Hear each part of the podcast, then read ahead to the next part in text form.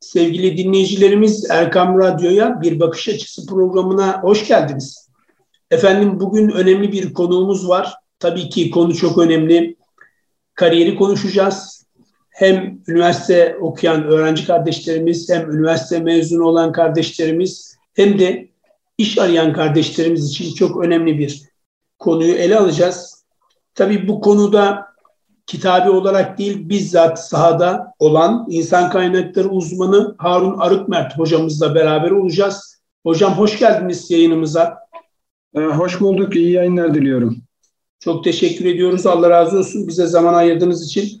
Ee, değerli hocam, e, yeni nesil tabii ki gerçek hikayeleri e, çok önemsiyor. Siz de piyasa içerisindesiniz. Hatta e, bildiğimiz kadarıyla Antep'teki e, kariyer fuarında da bulunuyorsunuz.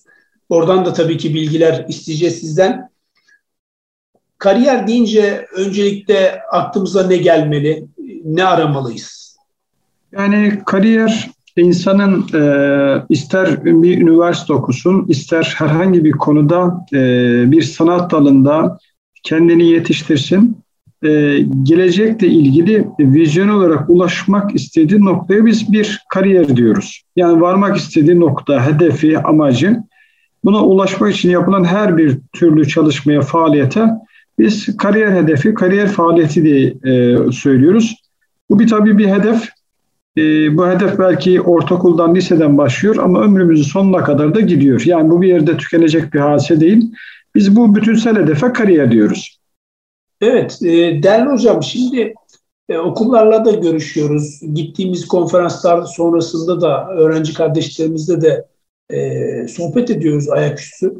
Bir türlü şunu anlatamıyoruz. Yani mezuniyet öncesi tatillerde çalışmanın ne kadar önemli olduğunu arkadaşlarımıza, kardeşlerimize anlatamıyoruz. Yani işin uzmanı olarak sizler neler dersiniz? Yani bu konuda aslında çocukların e, belki e, kısmen böyle e, yoğun bir e, dönem geçirdikten sonra belki izin yapma, tatil yapma hakları elbette olabilir ama e, Profesör Doktor Acar Baltaş'ın şöyle bir cümlesi vardı. Diyordu ki özellikle çocuklarınızı yazın yaz okullarına yani biraz daha eğlence ağırlıklı yaz okullarına göndermeyin diyordu kendi ilgi alanlarına ya da onların geleceklerinde meslekleri ve becerilerine uygun belli alanlarda e, onlar için bir beceri, e, bir yetenek oluşturabilecek bazı işlerde çalışmaların ne kadar önemli olduğundan bahsediyordu. Hatta şu cümleyi de özellikle söyledi. E, çocuklarınız sizin refahlarınızdan refah almasın, e, yani aile refahınıza katkı sağlasın diyordu. Dolayısıyla yaz tatilleri önemli.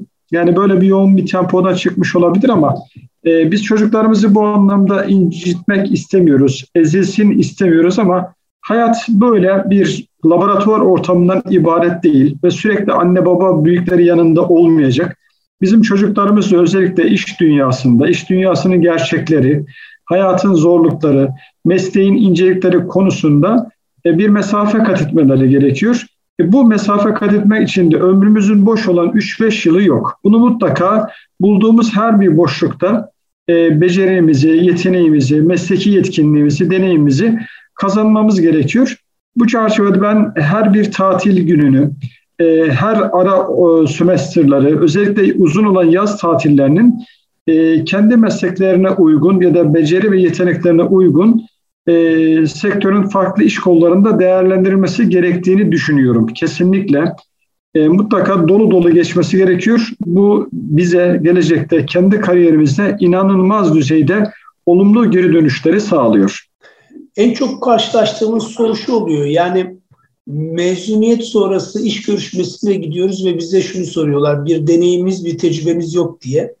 Ee, öğrenci kardeşlerimiz tabii yeni mezun. Abi yeni mezunuz nerede bir deneyimimiz, nerede bir tecrübemiz olacak diye bir çıkışları var. Aslında burada insan kaynaklarını sormak istediği bu değil mi hocam? Yazın ne yapıyorsunuz? Evet. Yani o 4 yılı 5 yılı nasıl geçiriyorsunuz? Lay lay lom olarak mı yoksa gerçekten her yıl birkaç ay, 3 ay çalışarak mı değil mi hocam? Biraz aydınlatır mısınız?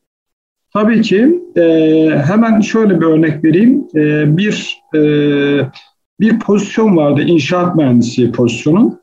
Bizim adayda aradığımız 3 yıllık bir deneyim şartı bulunuyordu. E, adaylar içerisinde bir tanesinin bir yıllık e, okul bittikten sonra deneyimi olduğunu gördük. E, ancak referansı da güçlüydü. E, verilen referansta e, ilgili adayın e, güçlü yeteneklere, yetkinliğe sahip olduğundan bahsediliyordu. Biz de adayı görüşmeye davet ettik.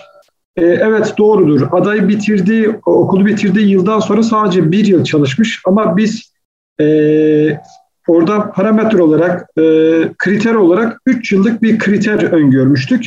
Ve onu da söyledik. Aslında böyle bir görüşmenin mümkün olamayacağını ama bir vesileyle görüşüldüğümüzü 3 yıllık bu deneyim kısmıyla alakalı eksi puan almamak adına bize neler söyleyebileceğini sorduk. Aday şunu söyledi, doğru dedi. Yani okulu bitirdiğim tarih e, şu tarih üzerinde sadece bir yıl geçti. Ancak dedi beni sadece bir yıllık bir deneyim sahibi kişi olarak düşünmeyin. Ben üniversite ikinci sınıftayken çalışmaya başladım. Bu hususta yapmış olduğum bir çalışma, proje faaliyet ve bu çalışmaları hangi ekiple, hangi hocalarla yaptığımı kesinlikle belgeleyebilirim dedi ve nitekim de belgeledi. Dolayısıyla biz bu adayımızı 3 yıllık tecrübeli kategoriye dahil ederek e, işe aldık. Yani önemli bir hadise. Şimdi bitirdikten sonra nasıl deneyim kazanılır kısmı ayrı bir konu ama e, özellikle ön lisans, lisans okuyan arkadaşlarımızın e, bu dört yıllık fakülteye başladıklarında bu fakültenin hiç bitmeyeceğini düşündükleri gibi bir durum var. Sayılı gün çok çabuk geçiyor.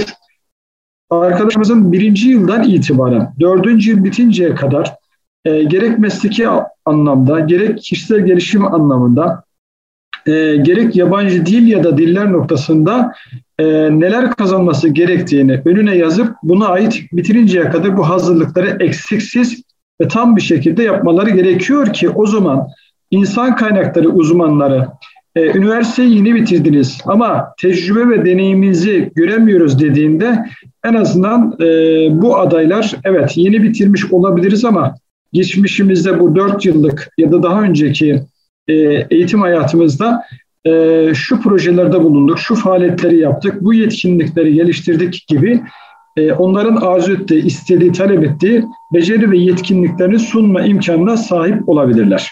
Evet, e, değerli hocam e, çok önemli bilgiler veriyorsunuz. Bugün Antep'te kariyer fuarı da vardı. Siz de oradaydınız. Katıldık. Evet, katıldık. Biz de katıldık. Neler gördünüz? İzleniniz nelerdir? Öğrenciler ne yapıyorlar? Ya gerçekten bir arayış içerisindeler mi? Yoksa konuyu mu anlamaya çalışıyorlar? İzlenimizi alabilir miyiz? Valla e, yani içlerinde çok pırıl pırıl belli hazırlıkları olan çok azınlıkta arkadaş grubu vardı. Ama büyük bir ekseriyeti e, henüz o okulun çok daha uzun bir zaman sonra biteceğini hatta dördüncü sınıfta olan arkadaşların bile e, gerçek hayata e, hazırlanmadıklarını e, görme fırsatı oldum. Çünkü bunu direkt söylemeseler bile sormuş olduğu sorulardan, arayışlarından, herhangi bir hareket e, bir aksiyonların olup olmadığını sordum. Bu hususta almış olduğum cevaplar maalesef e, biraz tereddüte düşürdü beni. Yani öğrencilerimiz maalesef e, öğrencilik hayatından sonraki gerçek hayat dediğimiz sektörle buluşmaların noktasında henüz hazır değiller. Yani bu deneyim ve tecrübenin başka bir yerde kazanılacağını zannediyorlar. Yaklaşık 30'a yakın ön lisans son sınıf lisans son sınıf mühendislik ya da farklı formasyonda çok öğrenciyle görüştüm. E, ne aradığını bilen, e, ona ait hedef ortaya koymuş, CV'si hazır, e, ona göre sektör seçen e, aday sayısı bu 30'un içerisinde yanlış hatırlamıyorsam 2 ya da maksimum 3 taneydi. Ne istediğini bilen ama geri kalan arkadaşları da e, zihinsel bir bulanıklık gördüm.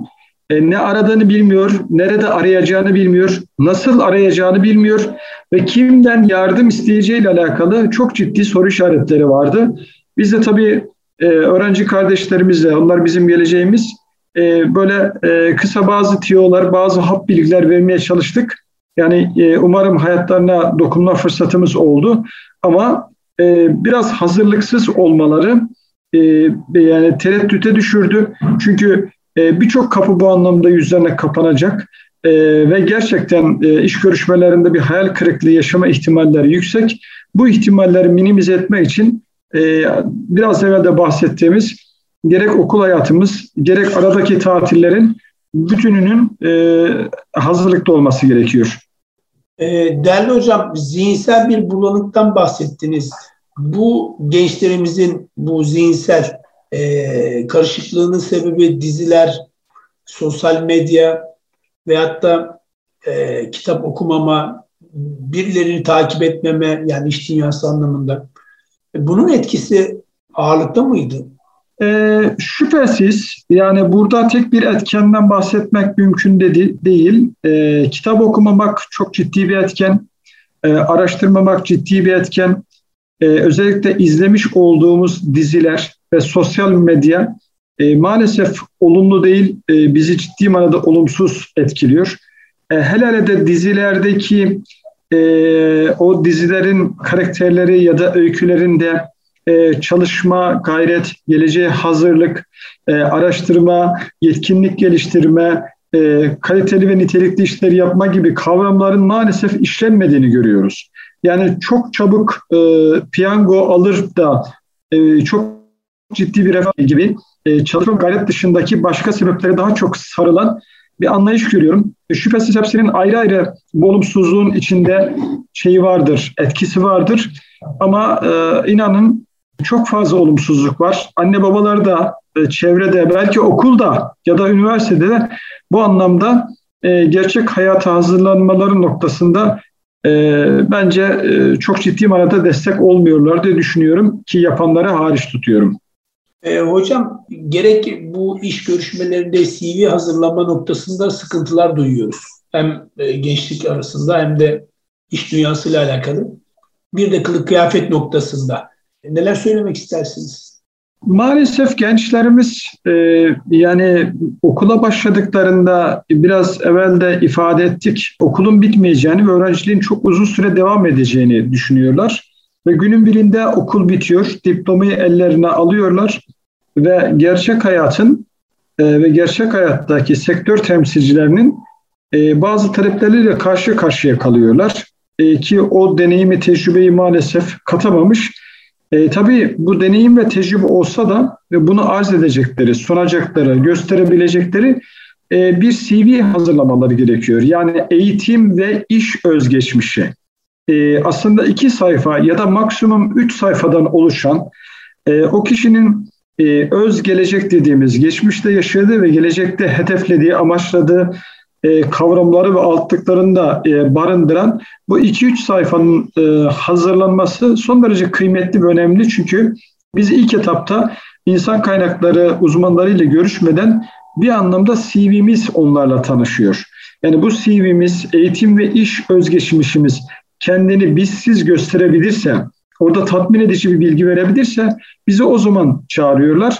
Ben gençlerde böyle bir hazırlığı çok az gördüm. Yani e, yine biraz önce ifade ettiğimiz gibi ne aradığını, e, nereye gideceğini, amacı bulunan, hedefi bulunan e, ve bu basamakları teker teker çıkan e, öğrenciler, hayata hazırlanan insanlar olduğu gibi maalesef e, büyük bir ekseriyette de e, CV kavramı, hazırlık kavramı noktasında çok ciddi eksiklikler var. Ha, bu çok mu zor? Bu aslında çok, çok zor değil. Yani teknolojinin e, böyle pik yaptığı, internette e, bu konuyla alakalı her türlü bilginin olduğu, kısa ya da uzun, her türlü hazırlığı da gösterebilecekleri eğitimler de var.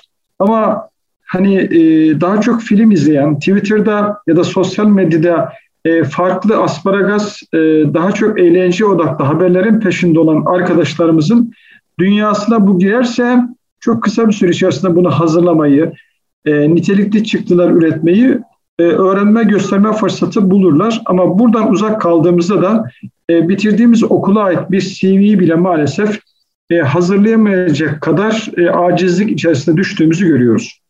Evet, çok önemli bir noktaya değindiniz yine. E, iki Twitter okuyunca siyasetçi, e, biraz sporla meşgul olunca futboldan anlayan, e, biraz da ilmen karıştırdıysa Diyanete ne gerek var? Biz varız anlamında e, biz Türklerin en çok yaptığı din, efendim söyleyeyim siyaset ve sporla alakalı e, kimsenin önüne geçemediği herkesin bu alanda gerçekten önemli bir noktaya geldiğini düşündüğü bir yerdeyiz. Ama halbuki o makamlarda da gerçekten başkaları oturuyor. E, iş hayatında kişisel gelişim ne kadar önemli hocam?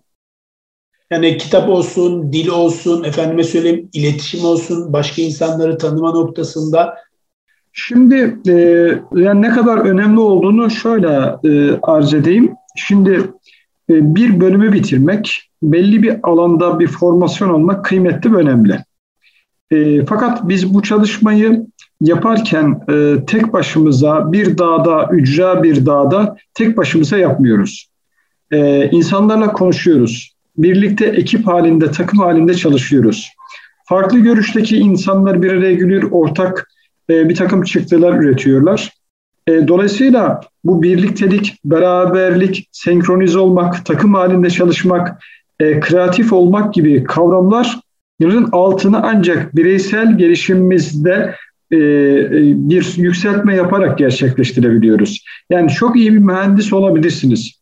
E, iyi bir tıp fakültesini bitirebilirsiniz. Çok iyi öğretmen olabilirsiniz ama e, bireysel gelişiminizle alakalı iletişiminiz, takım çalışmanız, e, ortak e, paydada bir şey üretmeniz gibi kavramlarda kendi kişisel gelişiminizi tamamlamadığınız takdirde e, son derece asosyal, kopuk, e, yani çok şeyi bilen ama e, gerçekleştirmek ve birlikte üretme kavramları çok zayıf olduğunda bulunduğunuz o ortamdan maalesef e, otomatikman kendi kendinizi uzaklaştırmış oluyorsunuz. E, bir ekiple birlikte çalışıyoruz. E, bildiğimiz kadar birlikte ürettiğimiz de kıymetli. Birlikte çalışmak, birlikte hareket et, öğretmek, öğrenmek kavramını içi bireysel gelişimle doluyor. Dolayısıyla e, bu çerçevede okumak lazım. Kendi yeteneklerimizi görmek, öğrenmek lazım. E, bu anlamda bu bir serüven e, mutlaka ama mutlaka kişisel gelişimle alakalı kendimize yatırım yapmamız gerekiyor ki bu sadece yani üniversite e, bitirinceye kadar olan dönemi de kapsamıyor. Yani bu hayatımızın sonuna kadar gerek formasyonumuz gerek de bireysel yetkinliğimizi geliştirecek kişisel gelişim e, serüvenimizin devam etmesi gerektiğini düşünüyorum. E, bu kısmı eksik olan insanların burada en çok onu görüyoruz. Takıma uyum sağlayamayan, iletişimi bozuk, e, bireysel yetkinliklerini geliştirme noktasında zayıf olan insanların diploma notları yüksek olsa da maalesef insan kaynakları tarafından pek kabul görmüyor. Yani iletişimi de formasyon kadar önemli gördükleri için yani bizim sadece bir taraftan puan almamız başarılı olacağımız anlamına gelmiyor. Bireysel gelişimi de bu hususta ciddi ve dikkatli bir şekilde e, macera perest bir serüven değil de bir başarı odaklı serüven olarak görüp yatırım yapmak gerekiyor. Hocam çok teşekkür ediyoruz. Ee, kısa bir araya gidelim çünkü önemli konuları e, konuşuyoruz. Önemli konuyu ve önemli örnekleri konuşuyoruz daha doğrusu. Kısa bir aradan sonra değerli hocam kaldığımız yerden devam edelim. Ee, değerli dinleyicilerimiz kısa bir aradan sonra kaldığımız yerden devam edeceğiz. Değerli dinleyenlerimiz bakış açısı programımız devam ediyor. İnsan kaynakları uzmanı Harun Arıkmert hocamızla beraberiz. Kariyeri konuşuyoruz hem okuyanlar için hem mezunlar için hem de iş arayanlar anlamında gerçekten çok önemli bir konu.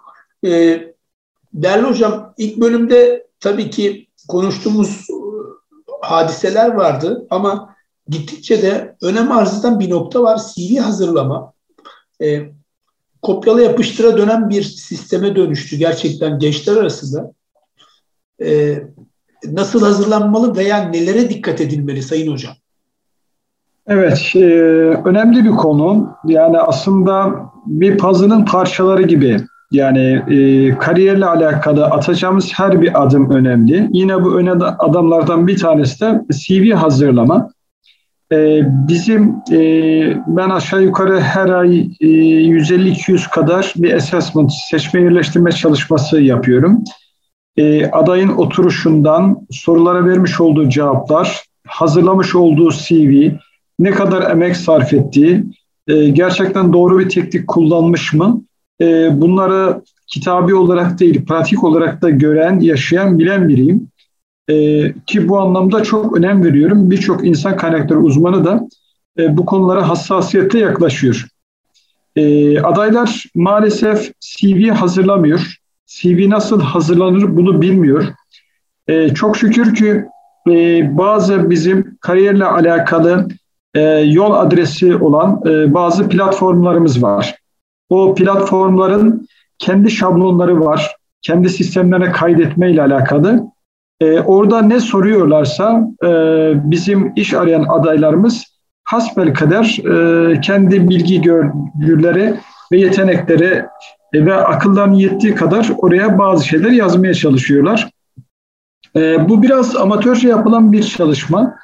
E, niçin böyle söylüyorum? Eğer hazırlamış olduğumuz CV ilgili platformunda kalıp sadece onlar kullanacaksa buna diyeceğim herhangi bir şey yok.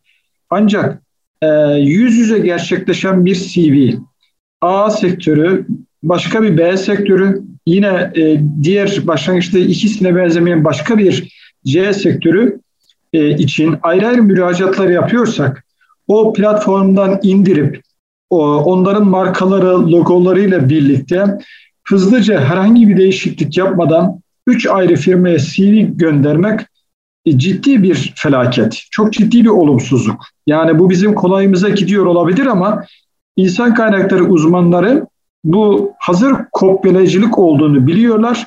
E, bu tür CV'ler maalesef e, yaklaşık bir 30 saniye kadar hızlıca bakılıp doğru e, maalesef aday havuzu denilen e, ve çoğunun yüzme bilmediği ve bu CV'lerin boğulduğu havuzda boğulup gidiyorlar. Yani dolayısıyla bizim e, arkadaşlarımızın, gençlerimizin e, üniversiteyi bitirmeden ya bitirdikten sonra bir CV nasıl hazırlanır, CV'lerde neler olması gerekiyor, hangi noktaları ön plana çıkartmam gerekiyor diye bu konuya ehemmiyetle eğilmeleri ve bu hazırlıkları buna göre yapmaları gerekiyor. Ee, sorunuz olur mu bilmiyorum. Kronolojik olarak şöyle aktarmamı ister misiniz? Yeni neler olmalı bir CV'de? Evet hocam buyurunuz. Ee, iletişim bilgileri olmalı. Ee, niçin olmalı? Ya bu da olmaz mı diye sorabilirsiniz. Evet iletişim bilgilerini adaylar yazıyorlar ama e, kapattıkları çalışmayan ya da yanlış ve hatalı bilgilerden oluşan mail ve cep telefonları yazıyorlar. Yani mutlaka size ulaşabilecek e, bir iletişim bilgisi, mail ve cep telefonu veya sabit telefon bilgisinin olması gerekiyor. Ulaşılamadığı takdirde ikinci ama bu hususta size doğru bilgi verebilecek bir bilgiyi de orada iletişim bilgisini de dahil etmek olmalı. Yani bu tür adaylarda zaman zaman arayıp e, telefonu çekmediğinden e, ya da şarjı bittiğinden kaynaklı aradığınız kişiye ulaşamıyorsunuz mesajının ötesinde maalesef o kişiye hiç ulaşamadığımız e, bu tür olumsuzluklarla karşılaşabiliyoruz. Öncelikli olarak iletişim bilgisi çok önemli. Bunu yapmaları gerekiyor. E, ikinci konu e, eğitim özgeçmişleri. Yani hangi okul ya da okulları bitirdiler? Bazen e, bir değil birkaç tane okul bitirmiş olabilirler. Buna bunları hatasız ve eksiksiz bölümlerin de dikkatli bir şekilde yazmaları gerekiyor. E, önemli puan alan yerler bunlar. Yine e, insan kaynakları uzmanlarının en çok önem arz ettiği konulardan tanesi stajlar ve e, sertifikalar. Yani bu hususta buna ihtiyaç var. Dolayısıyla bizim e, üç numarada eğitim bilgimizin hemen altında kurslar, e, sertifikalar ve şeylerin olması gerekiyor. Burada anlaşıldı mı? Burada herhangi bir soru var mı bu iki maddeden sonra? Gayet güzel gidiyor değerli hocam. Herhangi bir sıkıntımız yok. Buyurunuz. Peki. Bir diğer husus şu, yani biz eğitim bilgimizi verdik, bitirmiş olduğumuz kursları verdik ama burada çok küçük bir nokta e, özellikle hatırlatalım. İnsan kaynakları uzmanları e, sadece alan içi sertifikalara bakmıyor. Yani alan dışı, yani az önce sizin de bahsettiğiniz gibi e, bireysel gelişimine katkı sağlayabilecek, işte diksiyon, hitabet, beden dili, hızlı okuma, e, görsel hafıza, e, gibi e, konuları da ya da satrançtır, e, ekip halinde çalışan birçok konuların da içine alan e, seminer ve sertifikaları da çok önemli olarak görüyor ve bunları da e, olumlu şekilde puanlıyor. E, bir diğer maddemiz hemen eğitimin bu sertifikaların altında olmazsa olmazımız bizim iş deneyimlerimiz. Ondan önce son ayrıldığımız ya da yaptığımız işi e, en başta söylemek gerekiyor. Ondan sonra en başta başladığımız işe doğru kronolojik bir sırayla bunu takip etmek gerekiyor. Ee, diğer konu beceriler. Yani bizim aslında kendi mesleğimizde ulaştığımız noktayı gösteriyor. Yani e, işte mimarlığı bitirmiş olabiliriz, mühendisliği bitirmiş olabiliriz, sosyolog olabiliriz, psikolog olabiliriz, matematik öğretmen olabiliriz. Evet bu formasyonumuz olabilir ama yani matematik hangi tür e, biz öğren, e, ne tür çıktılarımız var? E, bunu var ise e, bunu da ortaya koymak e, elimizi güçlendirir. Çoğu insanın unuttuğu referanslar bazen e, istenildiği takdirde e, bunları da ihmal etmemek lazım. E, yani dolayısıyla hızlıca e, tekrardan sıralamak gerekirse e, mutlaka mail ve e, cep telefonu çalması için olduğu kısım önemli. E, eğitim bilgileri hemen altında yani formasyonumuzun altında alan içi, alan dışı kurs ve sertifikalarımızın olması bizim için önemli.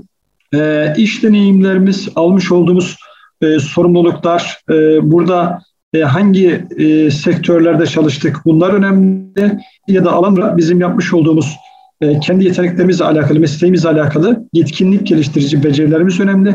Son olarak da istenilmesi de yazabileceğimiz e, bizim bizim için kıymetli olan ya da bizi kıymetlendirecek bir takım e, referans isimleri e, de buraya yazmak. Evet, bizim CV'miz için çok önemli değerli hocam. Şimdi bu e, sertifikalar kısmı e, eğitim formasyonumuzun dışında önemli. Niçin önemli? Biz bunu iki ayrı alana bölüyoruz. Bir tanesi alan içi sertifikalar. Mesleğimizle ilgili bizi e, ciddi manada ileri bir noktaya taşıyacak uzmanlık gerektiren, burada katma değer sağlayacak olan sertifikalar. Bir de alan dışı dediğimiz e, farklı alanlarda olabilir. Yani e, bir satranç olabilir, farklı hobilerimiz olabilir. Ama diğer taraftan e, birinci kısımda ifade ettiğimiz, e, sizin de sorduğunuz e, bireysel gelişim, kişisel gelişim ne kadar önemli demiştiniz. Aslında önemli. E, biz bunda illa sertifika istemiyoruz ama yani sertifika da alınmış olması buna ayrıca önem verildiğini gösteriyor. Bu hususta e, bir okumayla, hızlı okumayla, hafıza teknikleriyle, diksiyonla, beden diliyle, takım çalışmasıyla, e, bir drama ya da farklı e, konu başlıklarında ya da bir enstrümanı çalma gibi yani alan dışındaki farklı konularda adayın kendini geliştirmesi çok kıymetli. Burada çok ciddi manada olumlu puan aldığını söyleyebilirim. bu kurs ve sertifika eğitim bilgilerinden sonra gelecek olan başlık bizde iş deneyimleri bunu da önemsiyoruz. Yani adayın ister üniversiteyi bitirmeden önce ister bitirdikten sonra stajlar da dahil olmak üzere e, iş deneyimi olarak e, her türlü faaliyeti ya da katıldığı projeleri ya da profesyonel olarak çalıştığı her bir sektör ya da iş yerini burada ilave etmesi gerekiyor. Burada e, tersine bir kronolojik sıralama olması daha doğru olacaktır. Doğru e, kronolojik sıra nasıl? Yani normalde 1, 2, 3, 4, 5 diye başlar ama biz en son ayrılmış olduğumuz ya da çalıştığımız yeri 4'ten 3'e, 3'ten 2'ye, 2'den 1'e şeklinde sıralamamız gerekiyor. Yani son ayrıldığımızı ilk yazacağız. En başta başladığımızda en son olarak iş deneyimlerimiz kısmına ilave etmemiz e, doğru bir işlem yaptığımızı gösterir. E, bir diğer konu beceriler konusu. E, aslında kısmen sertifikalarla da ilgili e, beceri dediğimiz hadise alanımızın içinde ya da dışında bizi diğer adayların da önüne e, pozitif olarak, artı olarak e, geçirebilecek e, becerilerimizde e, bu becerilerimizi artırma noktasında bu yine dediğim gibi bireysel gelişim ve bunun içerisinde girecek konu başlıkları da çok. Bu hususta neler kattığımızı insan kaynakları görmek ister, buradaki yetkinliğimizi görmek ister, tartmak ister beceriler konusunu da ayrı bir başlık olarak işlemekte fayda var. E, benim son olarak e, CV'de sıralayabileceğim konu referanslar konusu. E, ki işimizle alakalı bize referans olabilecek, bizi tanıyan, bir anlamda bizi aslında kifil olan, yani e, bu adayımız bu hususta kendini yetiştirmiştir, ben de yakinen tanıyorum, biliyorum diyebileceğimiz ee, özellikle sektör içerisinden isimler olursa çok iyi olur ama olmadığı takdirde de bizim için önemli e, saygın insanlara referans olarak yazmakta fayda var. Benim burada bahsettiğim e, kabaca yukarıdan aşağı altı madde olarak sıraladım ki tekrardan sıralamak da isterim hatırlamak amaçlı. Evet hocam buyurunuz.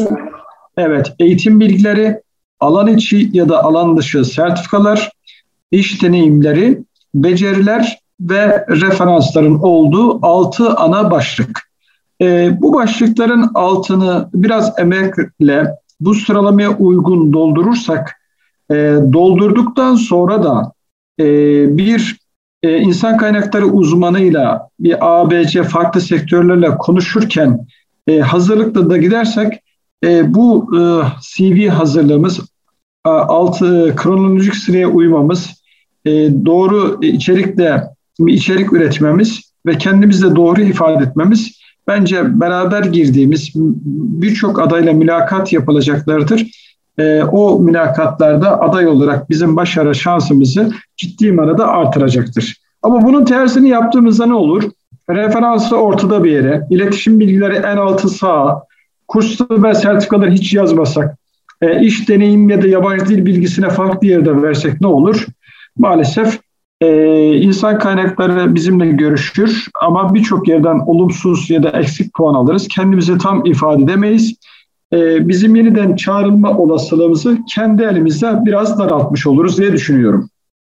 Evet değerli hocam pekala bu CV hazırlamasından sonra e, iş görüşmesi yaptığınız anlardan bize biraz bahseder misiniz? Yani ilginç veya farklı gelen e, hadiseler var mıydı? En azından yaşanmış hikayeler var burada.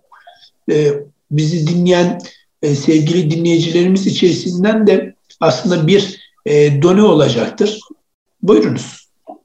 Ee, şimdi e, tabii birçok hatıramız var. Bazıları çok uzun ama bizim için aslında komedi olan e, belki birkaç küçük anekdottan bahsedeyim. Lütfen. Ee, mesela bir adayla görüşüyorduk. Ee, şu an hangi pozisyon olduğunu hatırlayamıyorum da. Ee, oldukça zayıftı aslında. Ee, tabii e, çok nazik ve kibarca adayın onurunu kırmamak, motivasyonunu bozmamak amaçlı sonuna kadar da devam ettiriyoruz. E, ben de en son olarak e, bu altıncı başlık olarak yazdığım referanslar kısmını da sordum. E, sizi yeteneklerinizle, yetkinliklerinizle alakalı e, kime sorabiliriz? Referansınız kim diye sordum. O da beni babama sorabilirsiniz dedi. E, bizim için çok ilginç olmuştu. Yani biz daha çok kendi yetenekleriyle, becerileriyle alakalı e, daha babası dışında kan bağı olmayan sektörde birini ararken e, demek ki babasıyla olan hukuku muhabbeti oldukça iyiydi. Onu bize göstermeye çalıştı ama bizden de maalesef çok olumlu bir puan olamadı. E, bu mesela Covid ve pandeminin henüz de çıkmış değil. E, geçtiğimiz yılda biraz daha ağır ve daha e, yoğun geçmişti. E, mesela böyle iktisat işletme fakültesiydi yanlış hatırlamıyorsam. Bitirmiş olan arkadaşımıza e, biz işletme ağırlıklı yaklaşık 5-6 tane soru sorduk. E, hiçbir sorumuza cevap veremedi. E, çok şaşırdım dedim bu bölümü bitirmiş görünüyorsunuz. Ya dedi diplomayı aldım ben de iki yıldan beri dedi okula dedi gitmiyoruz dedi. E, dolayısıyla aslında diploma sahibiyim ama içinin boş olduğunu söyledi e, biraz mahcup oldu. Yani komik de bir duruma düştü. Yani iki koskoca yıl aslında boş geçmiş, e, inanılmaz şekilde doldurabilirdi.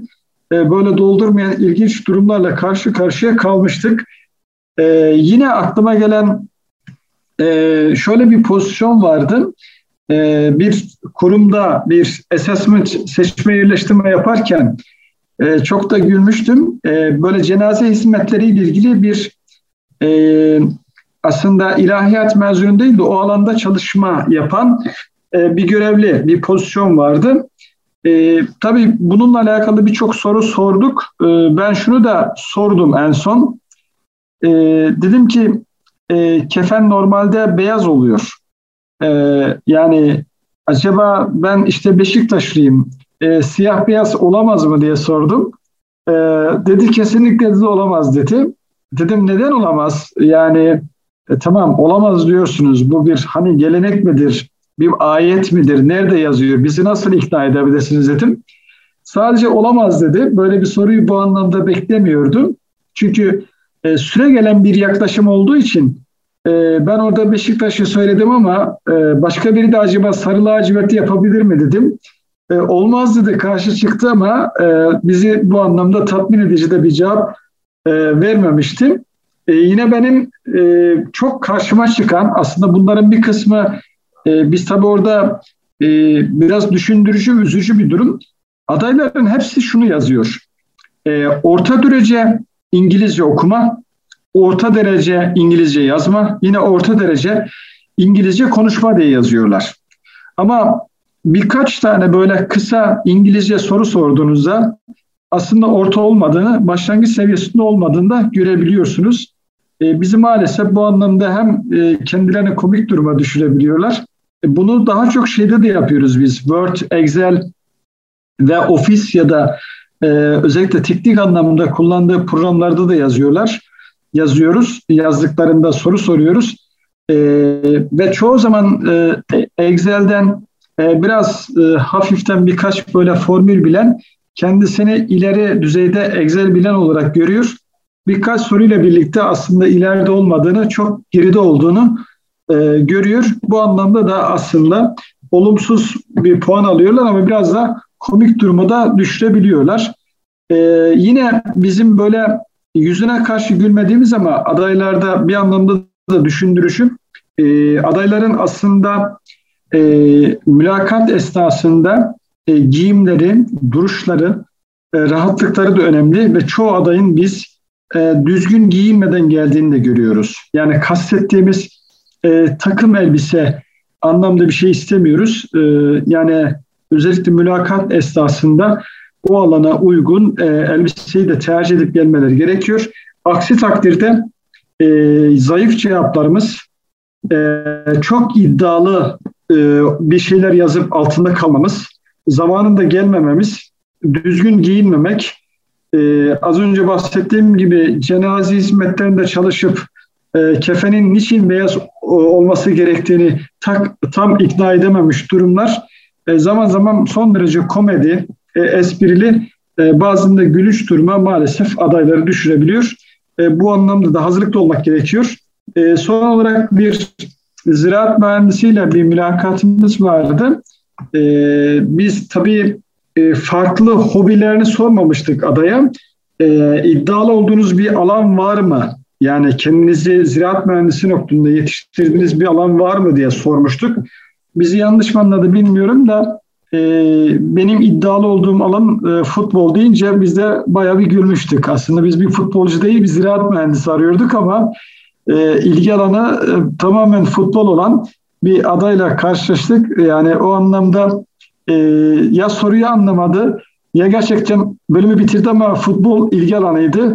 E, biz de hangi kategoriye koyacağımızı şaşırdık. Böyle e, bizim de zaman zaman tebessüm ettiğimiz ama biraz da üzüldüğümüz durumlarla da karşı karşıya kaldığımızı ifade edebilirim. Evet hocam gerçekten enteresan hadiseler var. Ee, bu noktada tabii ki katılımcı adayların daha dikkatli olması gerektiğini düşünüyoruz. Mezun olan gençlerimiz iş beğenmedikleriyle ilgili iş dünyasının şikayetlerini duymaktayız değerli hocam. Hem iş evet. dünyasında hem televizyonda da duyuyoruz. Ee, sizce de durum böyle mi hocam? Yani bütün için söylemek doğru olmaz ee, ama adaylarımız e, zaman zaman iş beğenmiyor. E, çoğu zaman da zaten mevcut e, mesleki ve bireysel yetkinliklerinden dolayı, zayıflıklarından dolayı da e, sektörler, alım yapan sektörler onları beğenmiyor. Biraz karşılıklı bir durum ama e, ben burada beğenmemek kısmında e, insan kaynaklarını bütünsel olmasa da biraz doğru buluyorum. Yani onların amacı e, en uygun e, ücrete en e, çok niteliği olan, becerisi yüksek, katma değeri yüksek e, şirketler için e, daha iyi olumlu çıktılar verebilecek adayları seçmeye çalışıyorlar. Tabii bir anlamda da kolay değil. Yani iş bulmak da zor bir hadise. Ama burada esas nokta şu, biz adaylar olarak hangi sektörde çalışacaksak o sektörün e, sektör duayenleri, sektör öncülerinin adaylarda aradıkları kriterlerle alakalı bir haber dolaşıyoruz. Yani sanki bitirince ilk defa bu tür kriterler yeni gelmiş gibi e, düşünüyoruz. Böyle bir hazırlığımız yok. E, dolayısıyla e, bu çerçevede zaman zaman bizim adaylarımızın da e, bir iş beğenmemek gibi e, böyle bir olumsuzluklar olabiliyor. Ama diğer taraftan da e, bizim özellikle seçme yerleştirme yapan insan kaynakları uzmanları da e, adaylarla alakalı e, parametreleri, kriterleri biraz da yüksek tutabiliyorlar.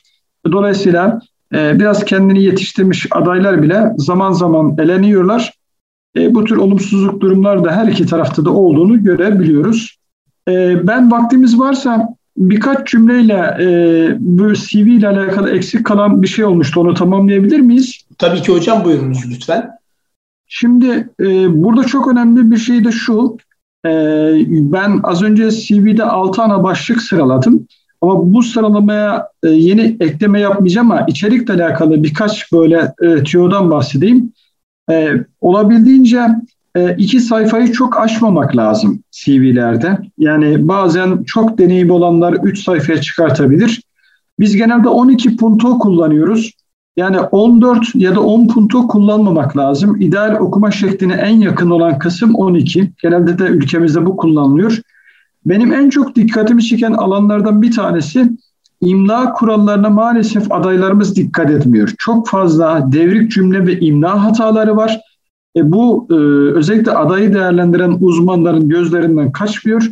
Bu hususta adaylara tavsiyem CV'lerini hazırladıktan sonra mutlaka çevrelerinde vardır. Bu konu hakkında e, bilgi sahibi, tecrübe sahibi insanlara okutmalarında fayda görüyorum. En azından burada gözümüzden kaçan imla kuralları ile alakalı hatalar varsa bunu sıfırlama imkanına e, sahip olabiliriz. E, diğer konu da şu, te, tercih ettiğimiz ya da aday olarak müracaat yapacağımız sektörler birbirinden farklıysa sektörün dinamiklerini de düşünerek özellikle oradaki jargonlara da dikkate alarak e, pozisyona uygun bir ön yazı hazırlamakta fayda var. Bu da diğer adaylar içerisinde bizi ciddi manada ön plana çıkartacaktır. Olumlu bir puan almamızı sağlayacaktır.